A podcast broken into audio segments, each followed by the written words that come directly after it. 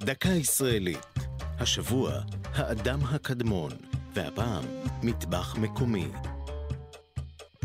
בעוד שפים מקומיים מתאמצים להכריע בשאלה האם יש אוכל ישראלי, נחשפה בשנה שעברה תגלית ארכיאולוגית שיש בה כדי להוביל לתשובה אפשרית. מדרום לאגם החולה, סמוך לגשר בנות יעקב, התגלו ממצאים העשויים לרמז על הזמן שבו החל האדם הקדמון להשתמש באש לבישול מזון.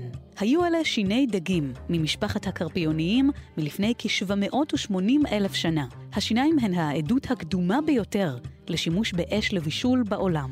עדות זו קודמת בחצי מיליון שנה לעדויות הקיימות. באמצעות שיטות מחקר, הבוחנות את מבנה הכבישים של אמייל השן, הראו החוקרים כי הכבישים הללו גדלו עקב חשיפה לחום, וכך הוכיחו שהדגים שמקורם באגם החולה הקדמון נחשפו לטמפרטורות המתאימות לבישול, ולא נשרפו באופן מכוון או אקראי.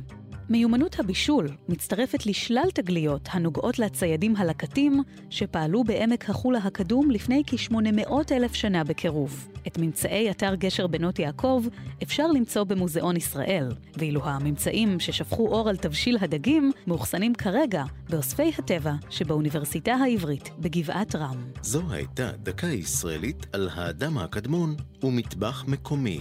כתבה אביב פוגל. ייעוץ הדוקטור עירית זוהר, הגישה מרים בלוך.